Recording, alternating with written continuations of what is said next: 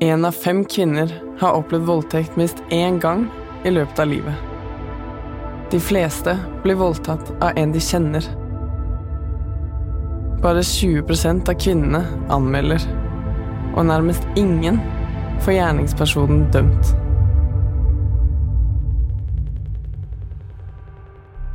Hei, jeg er Lea.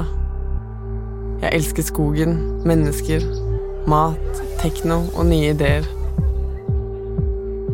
Da jeg var liten, var jeg nysgjerrig og sta. Som ungdom søkende og med på alt. Trygg på verden og menneskene i den. Det ble tatt fra meg i 2016. En dag i august. Den dagen jeg ble voldtatt av en jeg elsket. Dette er min historie, om veien gjennom helvete og tilbake til livet. Takk for at du lytter.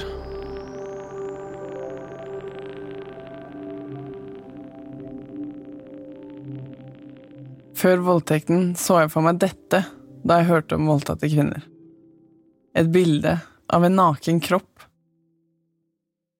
Hun ligger i fosterstilling i et mørkt rom, helt alene.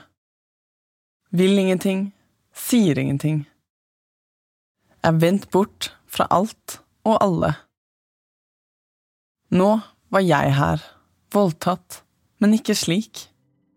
Et år har gått, og alt jeg vil, er tilbake til kjærlighetslivet og sexlivet.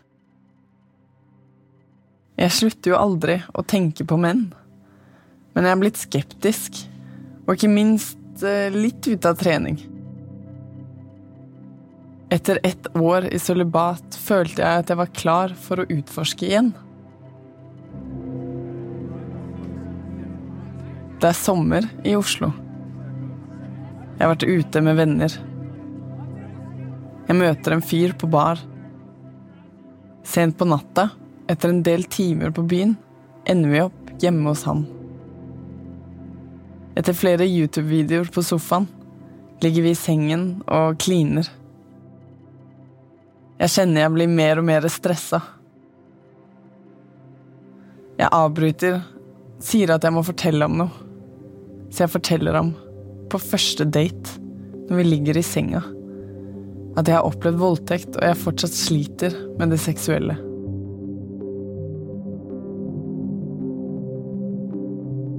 På vei hjem morgenen etter så kjenner jeg meg nesten ekstatisk. For jeg har klart å sove ved siden av en mann. På tross av dette møter jeg ikke fyren igjen. Han sender ikke flere meldinger. Det er vanskelig å vite om man skal si noe eller ikke. Jeg var i gang med dating, men det gikk ikke så bra.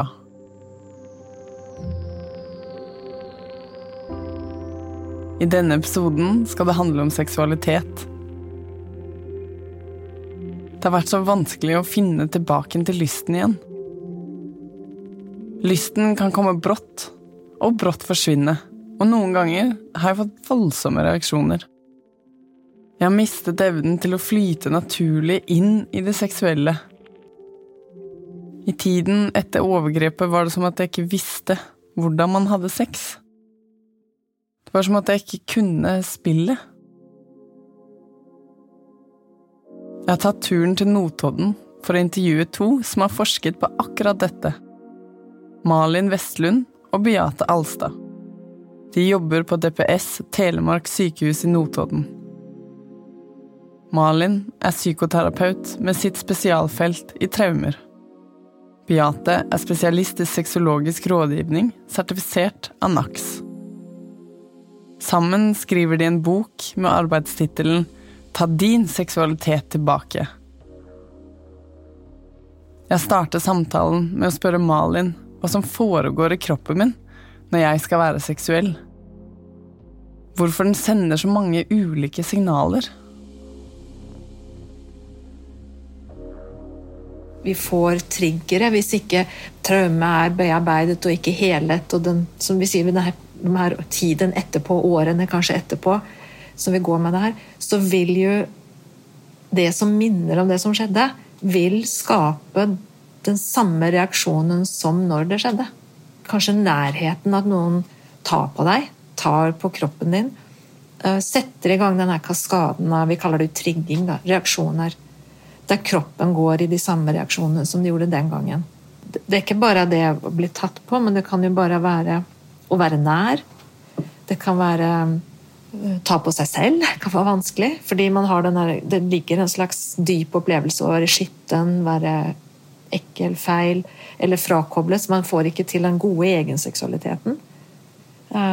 Så, og så har vi det her med at det kan være vanskelig med spenning og vanskelig med orgasme. Det er mange ting knytta til hele den her hva seksualitet er jo ikke bare orgasme og, og, samleie, som vi har sagt, men der også kan jo oppstå at det kanskje kommer Du klarer kanskje å bli Du er forelska, du klarer å bli tent, og du klarer kanskje å begynne å ha sex, men når kroppen begynner å få en viss spenning, så kutter det plutselig av og så forsvinner det. Og så blir du borte, eller jeg har ikke nytelse lenger.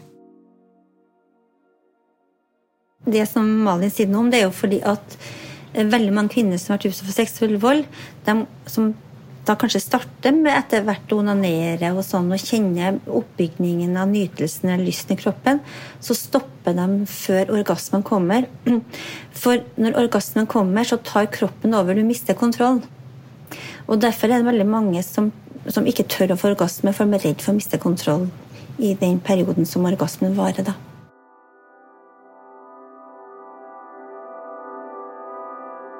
Jeg forteller Malin og Beate at jeg syns det er vanskelig å slappe av. Klarer ikke å lene meg tilbake og nyte som før.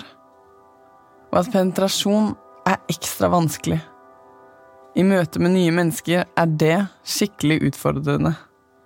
Det er som om jeg har et angstmonster i meg som dukker opp helt uten forvarsel. Men da kan vi ikke nyte, fordi kroppen er innstilt på forsvar. Og da er vi ikke mottagelige for nærhet, relasjon, egentlig. Altså, vi mister på en måte den evnen til å nyte, kunne nyte berøring og, og, få den der følelsesmessige kontakten også.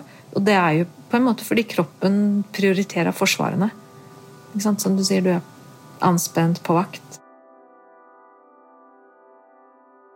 Jeg datet jo flere etter voldtekten, men kjente ofte at eh, dating var veldig stressende for meg. Etter tre år så møtte jeg en fyr som ville være kjæresten min. I starten var alt fint, og vi hadde en veldig bra relasjon. Men etter en stund så begynte ting å bli vanskelig igjen. Reaksjoner kommer som regel uten at du tenker over det, så du trigga. Men det er et stort men. For når du er forelsket, hvis man blir forelsket, så er hjernen oversvømt med signalstoff som gjør at den blir den blir nesten det vi sier i psykiatrien liksom mani. Altså du blir, Ikke trenger du søvn, ikke trenger du mat. Du syns den ene den partneren din er verdens beste, du setter den på pidestall og har lyst til å være sammen hele tida. Du er har lyst på sex hele tida. Altså, fordi at forelskelsen, den gjør er veldig sterk. altså den er, som jeg sier, Pga. signalstoffene. Så, så traumeminnene blir faktisk litt redusert i den perioden. Eller ganske mye redusert i den perioden du er forelsket. Og så når, du, når forelskelsen går over, for det, de gjør det heldigvis, ellers ville vi vært døde. Altså, vi kan ikke gå rundt og være forelsket hele tida. Men det som er, det er jo at da kommer jo traumene mine blir mer påtrengende, og så klarer du ikke ofte den sexen som du hadde da du var nyforelsket. Det der, der, er ikke så enkelt. Eh, og i forhold til når du treffer noen og det er sammen litt, og så sier partneren din ja, men du var jo ikke sånn før. Nei, Og så klarer du kanskje ikke å forklare det hvorfor du var sånn før, men det var jo forelskelsen. og det, det var det som poenget med det. Eh, og så ser vi jo det når vi har jobba med, med par, at partner også får jo en del sånn sekundære ikke med... Ja. Hva skal vi kalle det? Vi sier at partner også får uh, symptomer. Ja. Um, veldig ofte. Når man går inn i et partnerforhold og får reaksjoner, så er det flere partnere som selv opplever å få sekundærsymptomer. Malin og Beate har møtt mange som har det slik. Så det også vil vi si er utrolig viktig å snakke om, og det er jo vår erfaring. Nettopp at de blir anerkjent også i at oi, ja, ja, også Kanskje det er at man blir redd for reaksjoner. Man føler seg som en overgriper selv fordi den man er glad i, plutselig fryser. Man kan føle seg at man tilpasser seg veldig mye. Og blir værende da som den som liksom blir forsiktig og, og på en måte blir, eh, som vi kaller litt offer for overgrepet selv. Og, og, og, demper ned sin egen seksualitet. Og ikke lenger er den spontant seksuelle som man kanskje egentlig er. Nettopp for å ta hensyn, altså hensyn på en måte for mye på sin egen bekostning som partner. Også spontaniteten. Som du sier, ja. der, den der leken, den teasinga, at den går forbi og klyper litt i puppen eller rumpa eller kysser litt i nakken. altså sånn, at liksom Den teasinga og spontaniteten, den liksom, den går til grus. Blir lagt ned. Det er jo veldig synd. Så det er veldig viktig å snakke med en partner om man har vært utsatt for seksualitet. Og, og, da, som vi må ofte si, for det er klart at det her vi snakker om nå, er jo sårbart. For hvis man har vært utsatt og føler at også partner lider, så er det jo veldig lett å føle enda mer skyld og skam for å ikke fikse det. Og at man bringer det inn. Men som vi sier veldig tydelig, da, dette er jo ikke din skyld. Dette er overgrepets ettervirkninger. Det overgrepet, skyld og skam, hører hjemme et annet sted.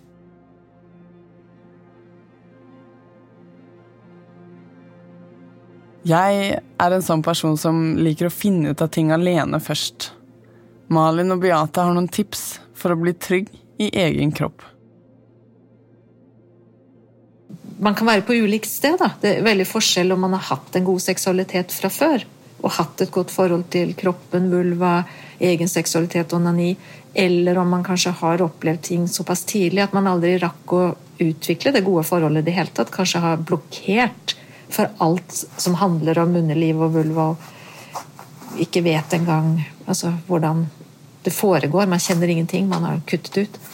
Så det er klart det er litt forskjellig hvor man må starte. Men, får, men vi er jo veldig for det der å framsnakke den naturlige seksualiteten, litt som du hørte Beate nå. Og det er klart, alle kan ikke begynne med rett på vulva, eh, fordi det er for heftig. Man kanskje aldri har gjort det. det men, men da, begynner, begynner der du er trygg, da. Så det der å begynne, Vi skjønner at vi må nærme oss det å kunne berøre oss selv. Og så får man bare begynne et sted da, der man kan. Og kjenne på ting i seg selv. Se. Uh, la seg bli pirret. Sansene. sansene. Veldig mye san Åpne sansene igjen. Mm. Og igjen, det kan man jo gjøre veldig ufarlig først. Altså bare smake god mat og høre gode lyder. og ja, ja, veldig uskyldig berøring av en fjær på kinnene, liksom. Men så kan man da utøke det til å bli mer og mer sensuelt. Og etter hvert da mer kanskje enda mer erotisk og knyttet til kjønnsorgan og mm. bryster. Eller bare rett og slett sånn som vi sier det òg når du er i dusjen, istedenfor å vaske deg med klut, da. At du bruker, bruker hendene dine, og når du såper deg inn og når du også vasker deg i vulvaen, at du holder litt på vulvaen. Ikke for å onanere, så bare for å kjenne trykket. Eller liksom tenke hm, der er du. Der er du, livskraften min. Og så sende noen positive, gode vibber til vulvaen din, da. Allerede rett etter ulykken med snowboardbindingen så begynte jeg å snakke til vaginaen min. Jeg leste i en bok at det kan gjøre at man får et tettere forhold. Dette brukte jeg aktivt når jeg datet, for å spørre hva hun hadde behov for, og hvilke grenser hun hadde.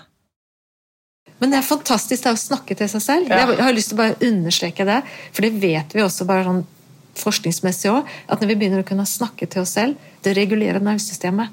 Vi tar på alvor disse her kroppsdelene, og vi roer. Og det gjør noe at vi faktisk benevner det og snakker til oss selv.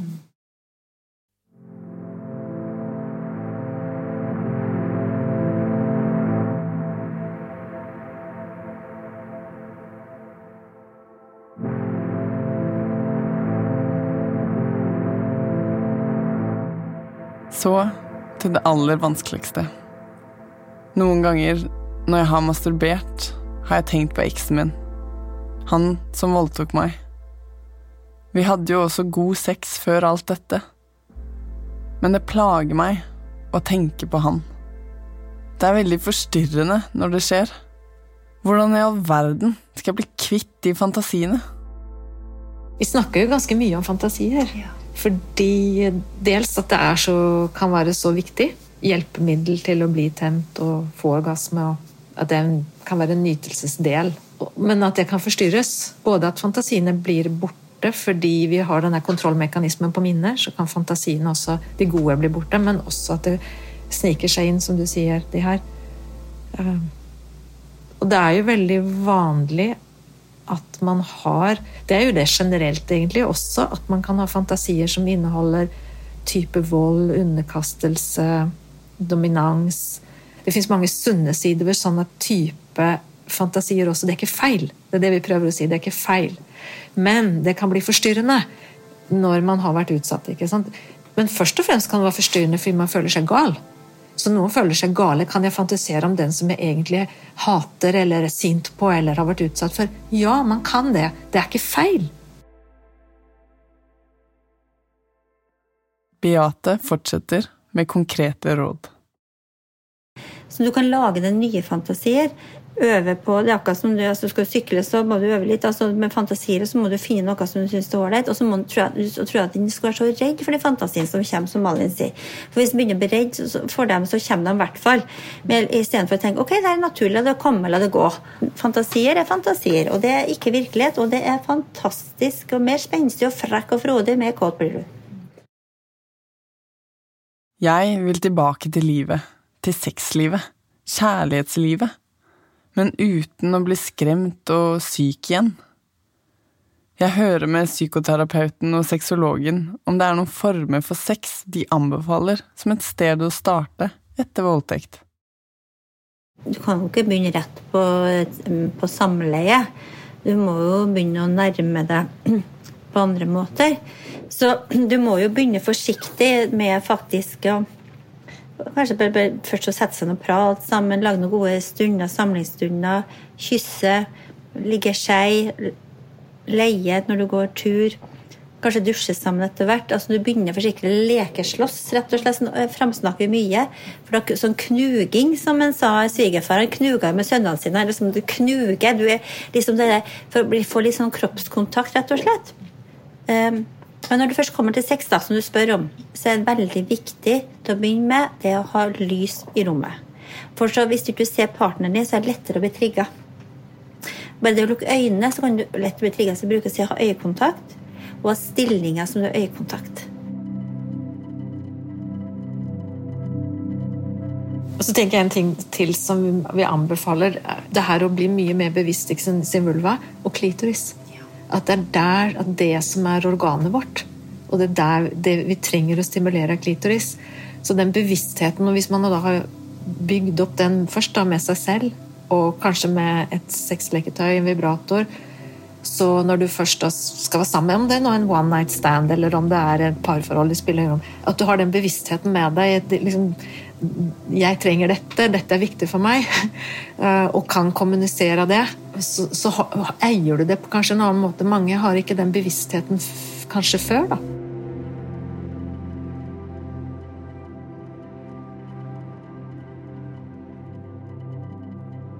Jeg har datet litt etter voldtekten. Det har gått ett og et halvt år nå. Jeg har blitt flinkere til å sette grenser men jeg føler meg ofte hard og slem når jeg gjør det. En gang fortalte en mann meg at jeg var veldig kort og kald da jeg sa ifra om noe. Er det jeg som har blitt ufølsom? Eller hva er dette? Det, og det er jo det her derfor eh, Det har vi faktisk ikke sagt noe om, men en del som vi jobber veldig mye med, er jo det med grenser. Nettopp for det å bli tryggere på det. At det å være, sette en grense at det ikke betyr at man er slem, øh, streng. Øh, så det å bli vant til det, og så når du får tak i at du faktisk har lov til å sette grenser, har lov til å si nei, har lov til å ha kontroll over din egen kropp og velge når du skal og ikke skal, så er det et viktig tema også hvordan kan man si ifra på en hyggelig måte. Da kommer vi inn på det med kommunikasjon, så at man, det ikke behøver å bli en, en avvisning der den andre bare blir forlatt men at man kanskje beholder en følelsesmessig nærhet eller kan si noe om det. Eller, så det med å si fra blir ikke så ille som det kan være hvis man ikke For det, for det som, som, du sier nå, det å få tilbake stemmen sin. Ja. Det er jo det som er så viktig, som um, Malin sier. Når du er trygg i grensen din og, og, kan få tilbake For stemmen blir ofte tatt fra oss når vi har vært utsatt for seksuell vold, og grensene blir jo tatt fra oss. Så det Malin sier her, er kjempeviktig. Det å få tilbake stemmen sin. Og det, det ser vi jo veldig mye om dem vi jobber med på kurs, at de, at de begynner med grenser, begynner å si nei, kanskje aldri sagt nei til noen før. Og ikke minst får tilbake stemmen sin. Men når, men når du begynner å si ifra, så kan du få noe som heter etterbølger. Det må du si tre år om Malin før vi avslutter. Sånn her har det vært. Jeg har gått noen skritt frem, og så blir jeg plutselig kastet tilbake. Jeg har blitt forvirra og veldig lei. Malin har skrevet om noe hun kaller etterbølger. Jeg ber henne forklare. Etterbølgene, for de er Og det er faktisk det ordet der. Det, det er så vakkert, og, det, og så er det forståelig, og det er faktisk Malin som har funnet ut på det ordet. Det, det handler om egentlig bare at hjelpe alle å se at det er helt naturlig at alt nytt du gjør, um, skaper reaksjoner. For du har et nervesystem som hele tida vil sjekke er dette farlig, er det riktig, gjorde jeg riktig nå? Vi er jo født og skapt som vi mennesker, at vi er liksom trusselorientert. Og vi har den hjernen som hele tida liksom skal sjekke. Så når du da første gang kanskje begynner å Du kanskje har vært den frie seksuelle som ikke har behøvd si ifra, og du har liksom nytt alt, og så plutselig må du begynne å si nei, stopp, nå kan jeg ikke fortsette, nå, nå må vi ta pause, eller så er jo det noe helt nytt. Du har ikke gjort det før. Um, og da vil denne systemet vårt da. Uh, vi kanskje har bestemt oss jeg skal klare det, og så gjør vi det. Og, men så kommer det da etterpå åh, oh, shit, nå var jeg slem nå. Sa jeg det åh, oh, Hvordan reagerer han eller hun nå? Um, å nei, nå føler jeg meg slem, eller nå føler jeg meg åh, oh, elendig, eller Tenk om jeg aldri alene resten av livet. Alle de her tankene, da. Så, så, det å lære og det å fortelle andre at dette er naturlig, og sånn vil det være Du vil få etterbølger når du gjør disse nye tingene, når du erobrer noe nytt. når du og, og, og, så målet er litt å etter hvert orke å stå i etterbølgene. Så at du, at du tåler dem, og etter hvert oppdager at kanskje jeg blir jo ikke forlatt av alle, selv om jeg faktisk blir tydelig eller har en stemme eller eh, samla på de gode erfaringene. Men det, er, det, er, en bøyg også å tåle disse etterbølgene. Men det er jobben. Så hvis du skjønner og ser at ja, men nå jobber jeg, her, så, så, kan du også ha den der lille feiringen og mestringen da, av at yes, jeg klarte det. Jeg klarte det, selv om det var ubehagelig. Jeg har fortsatt å date og det går mye bedre nå. Men det er like vanskelig, selvsagt, å finne ut av det med et annet menneske. Fordi jeg har gjort meg noen dyrekjøpte erfaringer, så skal du få noen råd fra meg. Her er tre råd til dating. 1. Bygge opp trygghet i deg selv, først og fremst. Vit hva som er ditt ja, og hva som er ditt nei og hvor grensene dine går i forhold til situasjonen din. Kjenn etter hvilke triggere du vet om, og øv deg på å uttrykke deg. Bare fordi én person ikke hørte på, betyr ikke at de andre ikke vil høre på. To. Det er viktig å spørre seg selv hva man ønsker og trenger. Skriv ned fire egenskaper ved en personlighet som du tenker en partner må ha, og bruk det i en datingsammenheng. 3. Det viktigste i dating er om du liker personen, ikke om de liker deg. Fokuser på om dette er en person du er interessert i å gå videre med, ikke om de får noe ut av deg. Hvis det er en match, vil det være gjensidig. I denne episoden har dere hørt sexologen Beate og psykoterapeut Malin som har pratet om hvordan en voldtekt kan påvirke seksualiteten på forskjellige plan. Du kan lese mer om prosjektet deres, Ta din seksualitet tilbake, på damstiftelsen.no.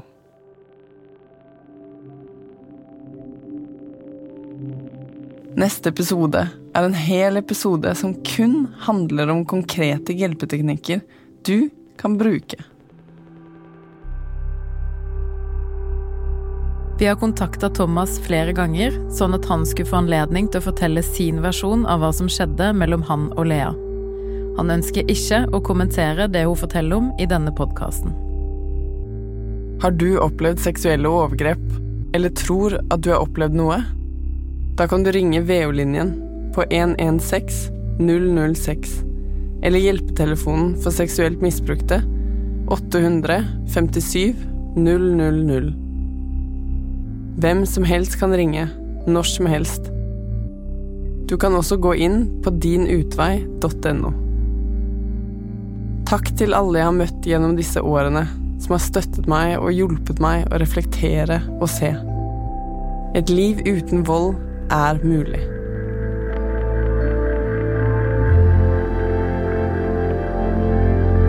En dag i august er en serie fra magasinet Altså, laget av Filt Oslo og meg, Lea, som forresten ikke er mitt egentlige navn. Vi har byttet ut alle navn i historien. Vi har også byttet ut flere stedsnavn og årstall.